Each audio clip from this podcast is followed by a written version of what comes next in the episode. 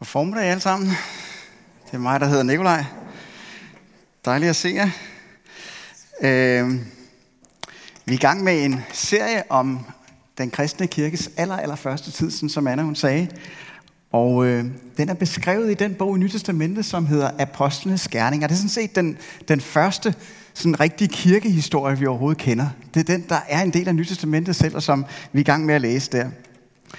Sidste gang vi øh, var i gang med serien, der begyndte vi fortællingen om den første pinsedag.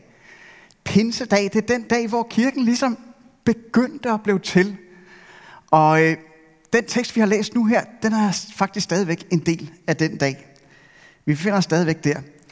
Det, der sker, det er, at disciplene, som har været vidne til Jesu død, de har mødt ham, efter at han har stået op fra de døde igen. Han har talt med dem i en periode på en god måneds tid.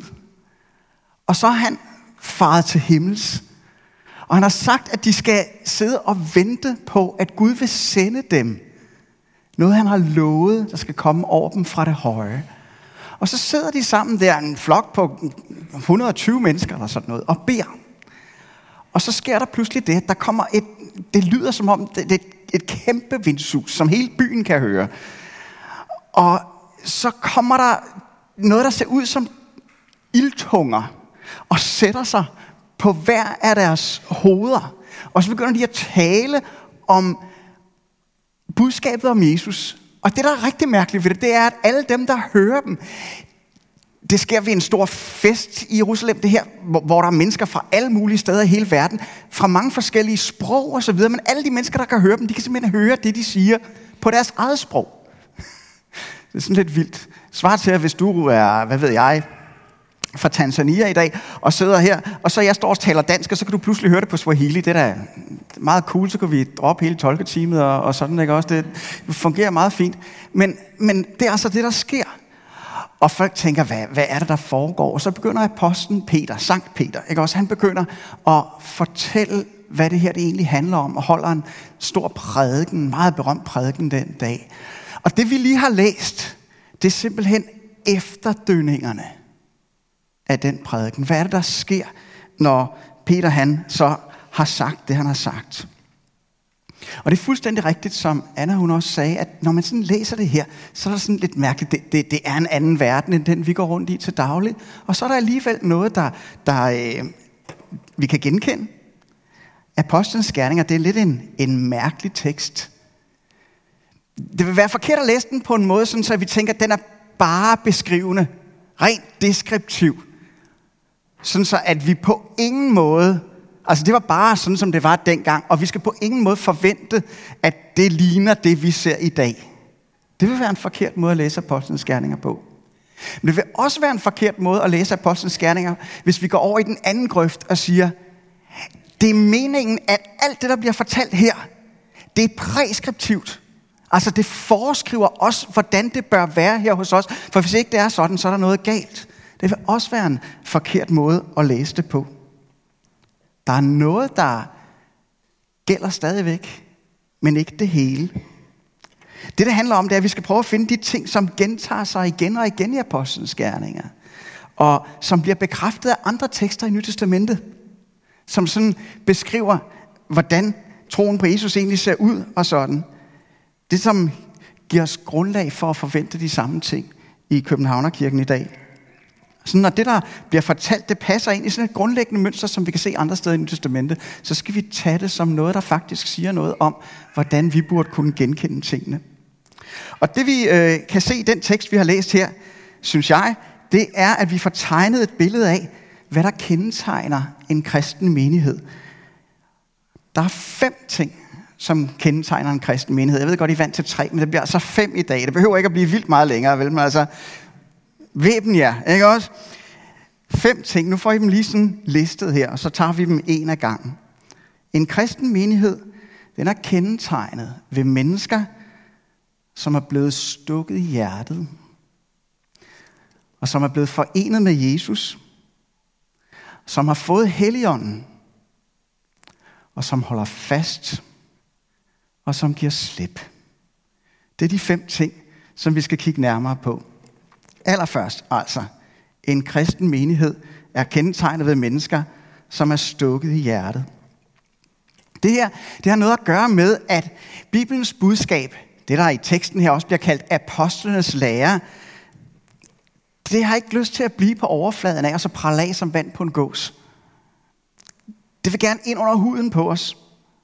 Det vil noget med os. Det vil os noget. Det vil ikke bare underholde og give os en, en, en hyggelig stemning juleaften.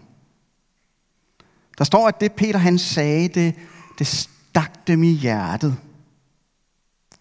Fordi det indeholdt en, en anklage mod dem. Og sådan er det med det kristne budskab. Det peger på ting, som er galt med os. Og en kristen menighed, også Københavnerkirken, består af mennesker, der er stukket i hjertet. Der står i et andet skrift i Nyt Testament, Hebræerbrevet kapitel 4, vers 12, For Guds ord er levende og virksomt, og skarpere end noget tveægget svær. Det trænger igennem, så det skiller sjæl fra ånd og marv fra ben, og er dommer over hjertets tanker og meninger. Det var noget af det, de erfarede den første pinsedag. Så når Bibelen den gør sig til dommer over os og vores tanker og meninger, når den sådan viser os vores egoisme og vores ukærlighed, vores synd, så er det jo sådan, at så kan vi enten reagere med hårdhed, eller vi kan lade os selv være sårbare. Øhm, det er jo lidt ligesom det er sådan i det mellemmenneskelige, ikke også? Hvis en af dine allerbedste venner kommer og bebrejder dig noget, der simpelthen var forkert af dig, så har du valget mellem at gøre dig hård og returnere den sav der benhårdt i baghånden, ikke? Eller også, så gør du dig sårbar. Lad det gå ind og jeg skulle kunne hilse at sige fra alle de kloge, at det er der i sårbarheden, at der er potentiale for noget godt. Kristne er mennesker, der er sårbare for Guds ord, inklusiv det dom over os. Mennesker, der giver Gud ret i hans dom. Noget af det, vi faktisk frygter allermest her i kirken, det er vores eget potentiale for at gøre vores hjerter hårde. Det vi kalder forhærdelse. Vi er mennesker, der er stukket i hjertet igennem bordet. Vi giver Gud ret i hans dom over vores egoisme og vores ukærlighed og vores synd. Niels Havsgaard, han skrev engang en, øh, en sang, der hedder Velbegavet. Jeg ved ikke, om I sådan kender den, men den handler om nogle mennesker, der egentlig synes, at de er meget fine. Og på et tidspunkt, så siger de sådan her, vi tror en smule på Gud og sådan. Og Gud, han elsker os. Det hører vi, når vi går hen i kirken. Og egentlig kan vi godt forstå ham, Gud han ikke kan stå for os, for vi er så rasende velbegavet. En kristen menighed er faktisk det stik modsatte af det der. Vi er tværtimod mennesker, der er blevet og bliver stukket i hjertet. Vi ved, at vi har et kolossalt behov for redning fra Guds velfortjente, retfærdige vrede og dom over os. Vi synes ikke, at vi vel nok er nogle vellykkede kristne. Og det kan faktisk nogle gange være en smule svært for os helt at forstå og tro, at Gud han så også siger til os, at han alligevel har kastet sin kærlighed på os. Og det bringer os så til det andet punkt, der kendetegner en kristen menighed nemlig at en kristen menighed er kendetegnet ved mennesker, som er forenet med Jesus. Det vi i kirken kalder evangeliet, de gode nyheder om Jesus, det er det her. Prøv at høre rigtig godt efter. Da Jesus han døde på korset, så skete der noget bag ved den synlige scene i den skjulte åndelige virkelighed. Alt det, som gør dig og mig skyldige over for Gud og gør skamfulde, det blev så at sige lagt over på Jesus, da han hang der. I den retssal, som vores skyld så skamsbevidsthed, som vi går rundt med, den egentlig bare er en afglans af. I den store kosmiske retssal, den vi i virkeligheden står i, og som skal blive synlig en gang på dommens dag. I den retssal for Guds domstol, der sagde Jesus, jeg er deres stedfortræder. Jeg tager deres skyld. Jeg tager deres synd, deres urenhed og deres skam. Og jeg tager straffen for det hele, i stedet for dem. Jeg er deres stedfortræder. Og så blev vores synd, vores skam, det der får os til at føle os beskidte, alt sammen blev det lagt over på Jesus. Og så blev han straffet med Guds forfærdelige, retfærdige helvedesfred i vores sted, i stedet for os. Sådan så det nu er betalt for og gjort op. Og derfor, på det grundlag, så er der tilgivelse og syndsforladelse og god samvittighed at få. For enhver, der vender sig til Jesus. En hver, der kommer til ham, betror sig selv i hans hænder, sætter al sin tillid til ham, det vi kalder tror på Jesus. Den, der kommer til Jesus og bliver døbt i hans navn, gælder alt det her for. For så er vi nemlig forenet med Jesus. Det, der gør os til kristne, det er, at vi er forenet med ham. Forenet med Jesus. Det er det, der sker med de mennesker, som Peter han taler til i teksten her. De blev døbt, står der i Jesu Kristi navn. I dåben, der sker der det, at Gud forener os med Jesus. Vi bliver fået sammen med ham. Vi bliver skæbne forenet med ham. Når du tror på Jesus, dåb og tro hører fuldstændig uløseligt sammen. Det er en enhed i Nyt Testamentet. Når, du, når dit hjerte griber om ham, når du sætter din tillid til ham som din frelser på dommens dag, så hører du og Jesus uløseligt sammen. Vi så at sige åndeligt gift med Jesus. Hvis noget gælder for mig, så gælder det på en måde også for Maria, for vi er gift. Hun tjener mere end mig, og derfor der har jeg det lidt fedt. Ja? Vi er gift med Jesus. Vi er hans. Så hans død for Guds domstol, det er min død. Jeg er gået igennem det. Hans syndfrie liv, det regnes for mit, og da Gud han rejste Jesus op fra graven og sagde om ham, han er retfærdig, ham har jeg velbehag, så gælder det for mig, for jeg er gift med Jesus. Der sker et fantastisk bytte.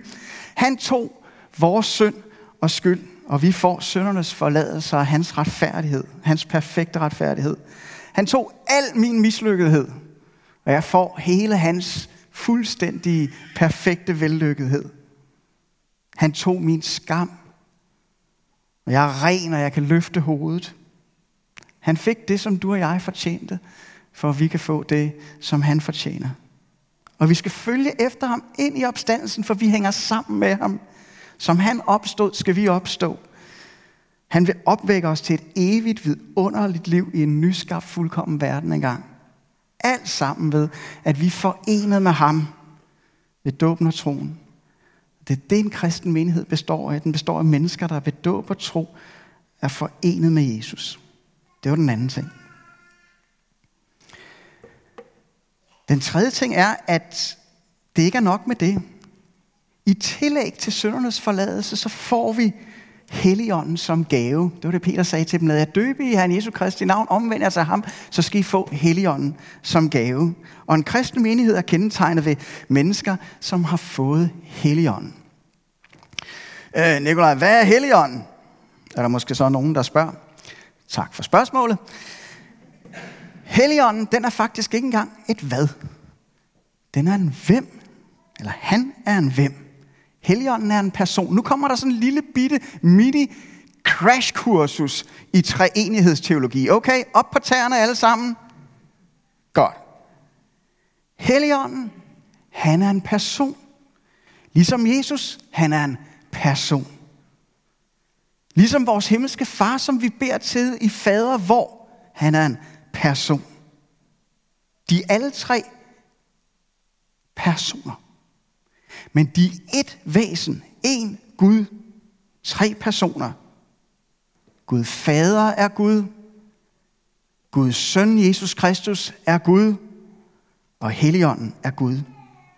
Men der er ikke tre guder. De er én Gud, men de er tre personer. Faderen er ikke sønnen. Faderen er ikke Helligånden. Helligånden er ikke sønnen. Så kan I selv lave trekanten, han har sagt. De er ikke den samme person men det er den samme Gud. Så Helligånden er altså Gud selv. Og hver eneste en, som tror på Jesus, har fået Helligånden som gave.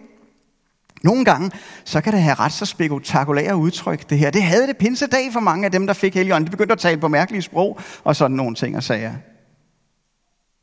Og andre gange, så mærker man ikke noget. Men hvis du tror på Jesus, så har du fået Gud Helligånd. Han bor i dit hjerte, hvad enten du kan mærke det, eller ej. For ellers så kan du slet ikke tro på Jesus. Det er faktisk ham, der skaber troen på Jesus i dig. Nikolaj, hvad, hvad er så pointen med Helligånden? At få den som gave. Hvad, hvad, hvad går det ud på alt det der? Tak for spørgsmålet. Det, at Gud giver os sin Helligånd, det er begyndelsen på opfyldelserne af løfterne om, at en dag så vil han nyskabe himmel og jord og oprejse os fra de døde. Det er derfor, Peter han fortsætter med at sige, at I skal få Helligånden som gave, for løftet gælder jer og jeres børn og alle dem i det fjerne, som Gud han vil kalde. Fordi Helligånden er begyndelsen på Guds opfyldelse af sine løfter. En dag så skal der ikke længere være sorg, eller smerte, eller pine, eller forbandelse. Der skal bare være glæde og jubel og lykke og velsignelse. Det at Gud han har givet dig sin helligånd, det er hans pant på, hans garanti på, at den fulde opfyldelse af hans løfter, de er på vej. Og så begynder Helligånden. Han begynder at virkelig gøre den opfyldelse, den nye verden, som er på vej inden i dit og mit hjerte. Han stikker os i hjertet. Og han gør det på to måder. På en måde, der gør ondt, og på en måde, der gør godt. For det første, så viser han os endnu mere af vores behov for Jesus som vores frelser og redningsmand. Det stikker også i hjertet på en måde, der gør ondt. Der er nogen, der oplever, at når de bliver kristne, så bliver de, synes de værre mennesker. Og det er ikke, fordi de i virkeligheden bliver værre, det er fordi, at Helligånden er kommet derind, og så begynder den at sætte projektørlyset på tingene og sagerne, man får øje på, som man ellers slet ikke kunne se derinde. Det er lidt ligesom at få mor ind på sit værelse, ikke også? Og så viser Helligånden os endnu mere af, hvor fantastisk og smuk og skøn og stærk og vidunderlig og kærlig og fagnende, at Jesus han er som vores frelser. Sådan så vi griber endnu stærkere om ham i tillidsfuld tro. Det stikker os i hjertet på en måde, der gør godt. Og derved der forandrer Helligånden os stille og roligt, så vi kommer til at ligne Jesus mere og mere. Og ikke nok med det. Helligånden, den er, han, undskyld, er en gave. Kan I se, teologerne kan også komme til at lave den der. Helligånden er en gave, og han giver gaver. Til hver eneste en af os, så giver Helligånden det, som vi kalder nådegaver.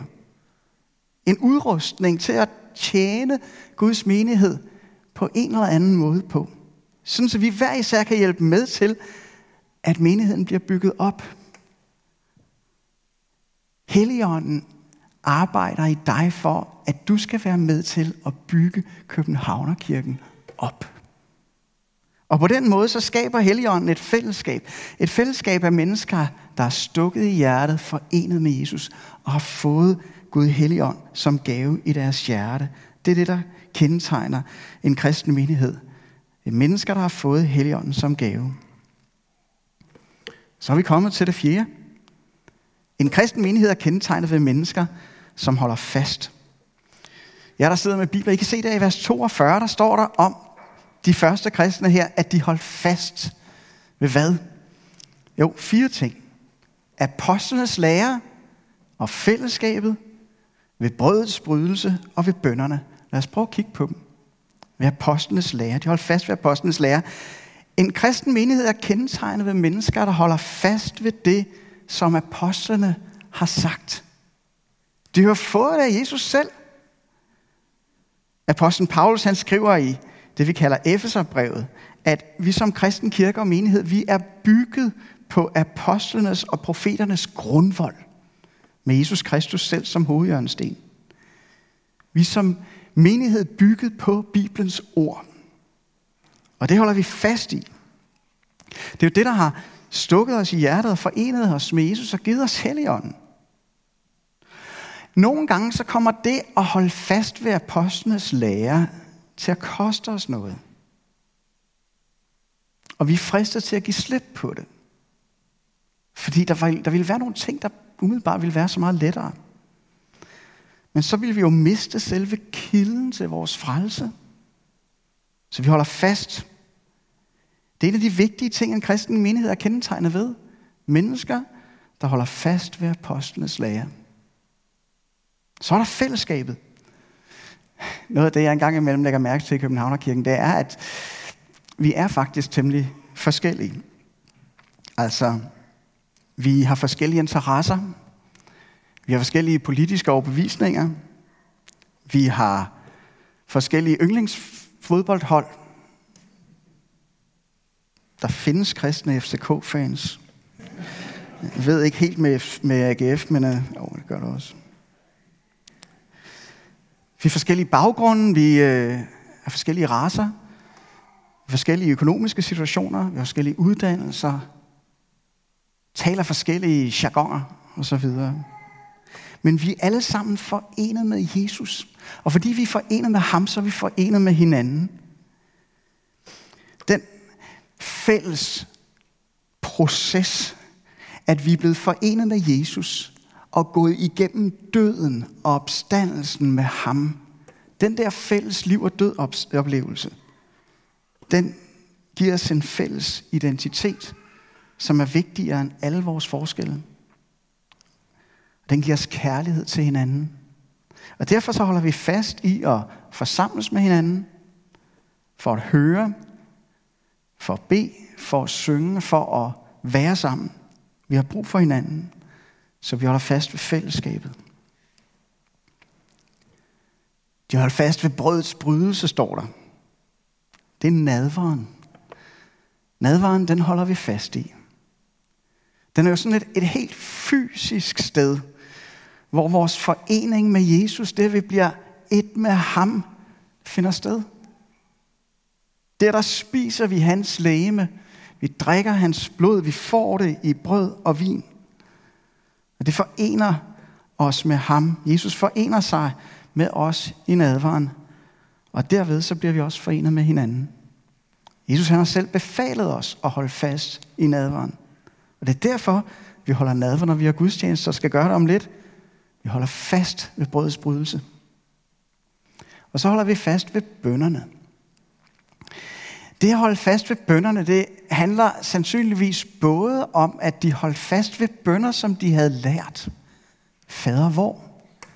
For deres vedkommende store dele af det, vi kalder salmernes bog i Gamle Testamente, som er bønder til Gud, dem holdt de fast ved at bede. Det kunne være, at man skulle gøre det noget mere. Og så har det nok også handlet om frie bønder. De bad til Gud sammen og hver for sig. I en kristen menighed så holder vi fast ved at lytte til apostlenes lære hver søndag. Og høre, hvad der bliver sagt til os, og så responderer vi til Gud i bøn. Sammen og hver for sig. Der står om Helligånden, at i ham råber vi Abba, far. Helligånden, den får os til at kalde på Gud som vores far. Han driver os til Gud i bøn som respons på det, som Gud han har sagt til os i sit ord. Og derfor så holder vi fast ved bønderne og ved bønden, hver for sig og sammen. De holder fast ved apostlenes lære, ved fællesskabet, ved brødets brydelser og ved bønderne. En kristen menighed er kendetegnet ved mennesker, der holder fast. Og så det sidste. En kristen menighed er kendetegnet ved mennesker, som giver slip. Der står om den første menighed i Jerusalem her, at nu citerer jeg, de solgte deres ejendom og ejendele og delte det ud til alle efter en værs behov. De kan slippe på det. Der var noget, der var blevet vigtigere. Noget, der havde fået en større værdi for dem, end det de ejede. Og det var de mennesker, som de nu havde som brødre og søstre. Og den opgave, som de havde fået om at bringe budskabet om Jesus videre, den var mere værd. Så det her, det betyder faktisk ikke, at vi alle sammen skal sælge alt, hvad vi har, og så give det væk. Vi kan tydeligt se i resten af apostlenes gerninger og i Nyt Testament, at det ikke er ment præskriptivt, som noget, der foreskriver også, at en kristen må slet ikke eje noget overhovedet. Men, og, og, og det er ligesom at, at, at give slip. Det kan se forskelligt ud. Men det er, at vi giver slip i glad gavmildhed. Det står tilbage, selv når vi sådan skriver, hvad skal man kalde det, skralder det, der sådan var helt specifikt for deres situation af her. Det, at vi giver slip i glad gavmildhed, sådan så det koster os noget, det står tilbage. Det vi skal have fat i her, det er, det er jo den underliggende ting, der fik dem til at give slip. De havde fundet noget, der var mere værd end deres penge. Og som de var overbevist om, simpelthen var en bedre investering. Og det, de havde fundet, det havde stukket dem i deres hjerte på en god måde, sådan at de gav slip på deres rigdom helt af sig selv, frivilligt og med glæde. Hvad kunne det være? Jeg tror, at det er det, som apostlen Paulus han samlede i sådan en koncentreret form, når han skrev sådan her til korinterne. I kender hvor Herre Jesu Kristi nåde, at han for jeres skyld blev fattig, skønt han var rig, for at I kunne blive rige ved hans fattigdom. Det at blive en kristen, det kan jeg sige, så handler om, at man opdager, at, at, at over for Gud, så er man ikke andet end en fattig tigger. Jeg har ikke noget at komme med over for Gud. Overhovedet. Jeg, jeg har ikke noget med, så at sige, at købe hans velvilje for. Tværtimod, så er jeg uendeligt dybt forgældet. Jeg er så fattig, som man overhovedet kan blive. Men evangeliet om Jesus, det er, at han var uendeligt rig. Han var, han, han var den, der havde den største sociale kapital i sin relation til Gud i hele universet. Han byttede plads med mig. Han blev fattig, skønt han var rig. Han fik en bogstavelig fattigdom. Han vandrede rundt som en fattig prædikant, ud så meget som en hovedpude. Og han blev en åndelig, ludfattig sønder på korset i mit sted.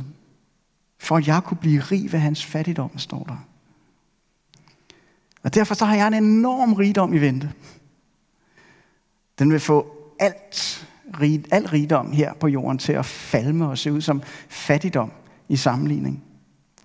Og når det går op for mig, og når det synker ind, så kan jeg lidt lettere slippe nogle af alle mine mange slander. Jeg kan investere med de mennesker, som nu er mine brødre og søstre, og investere dem i den opgave, som vi har fået om at bringe budskabet med Jesus, om Jesus videre. Og derfor sådan en kristen menighed kendetegnet ved mennesker, der giver slip. Mennesker, der giver slip på deres penge, på deres tid, på deres ressourcer, fordi de har fundet noget, der er mere værd. Jesus han er meget, meget, meget, meget mere værd end penge. Det er det, vi er. Vi er mennesker, der er stukket i hjertet. Vi er blevet forenet med Jesus. Vi har fået Guds hellige ånd. Vi holder fast, og vi kan slippe. Lad os bede. Herre Jesus, vi takker dig, fordi at du skønt, du var uendelig rig. Blev fattig for, at vi kunne blive rige. Tak fordi, at du som var ren, blev beskidt for, at vi kunne blive vasket rene. Tak fordi, at du, der var retfærdig, blev en synd for os, for at vi kunne blive Guds retfærdighed i dig. Tak fordi, at du vil være forenet med os. Hjælp os til at leve det ud sammen og være for sig. Amen.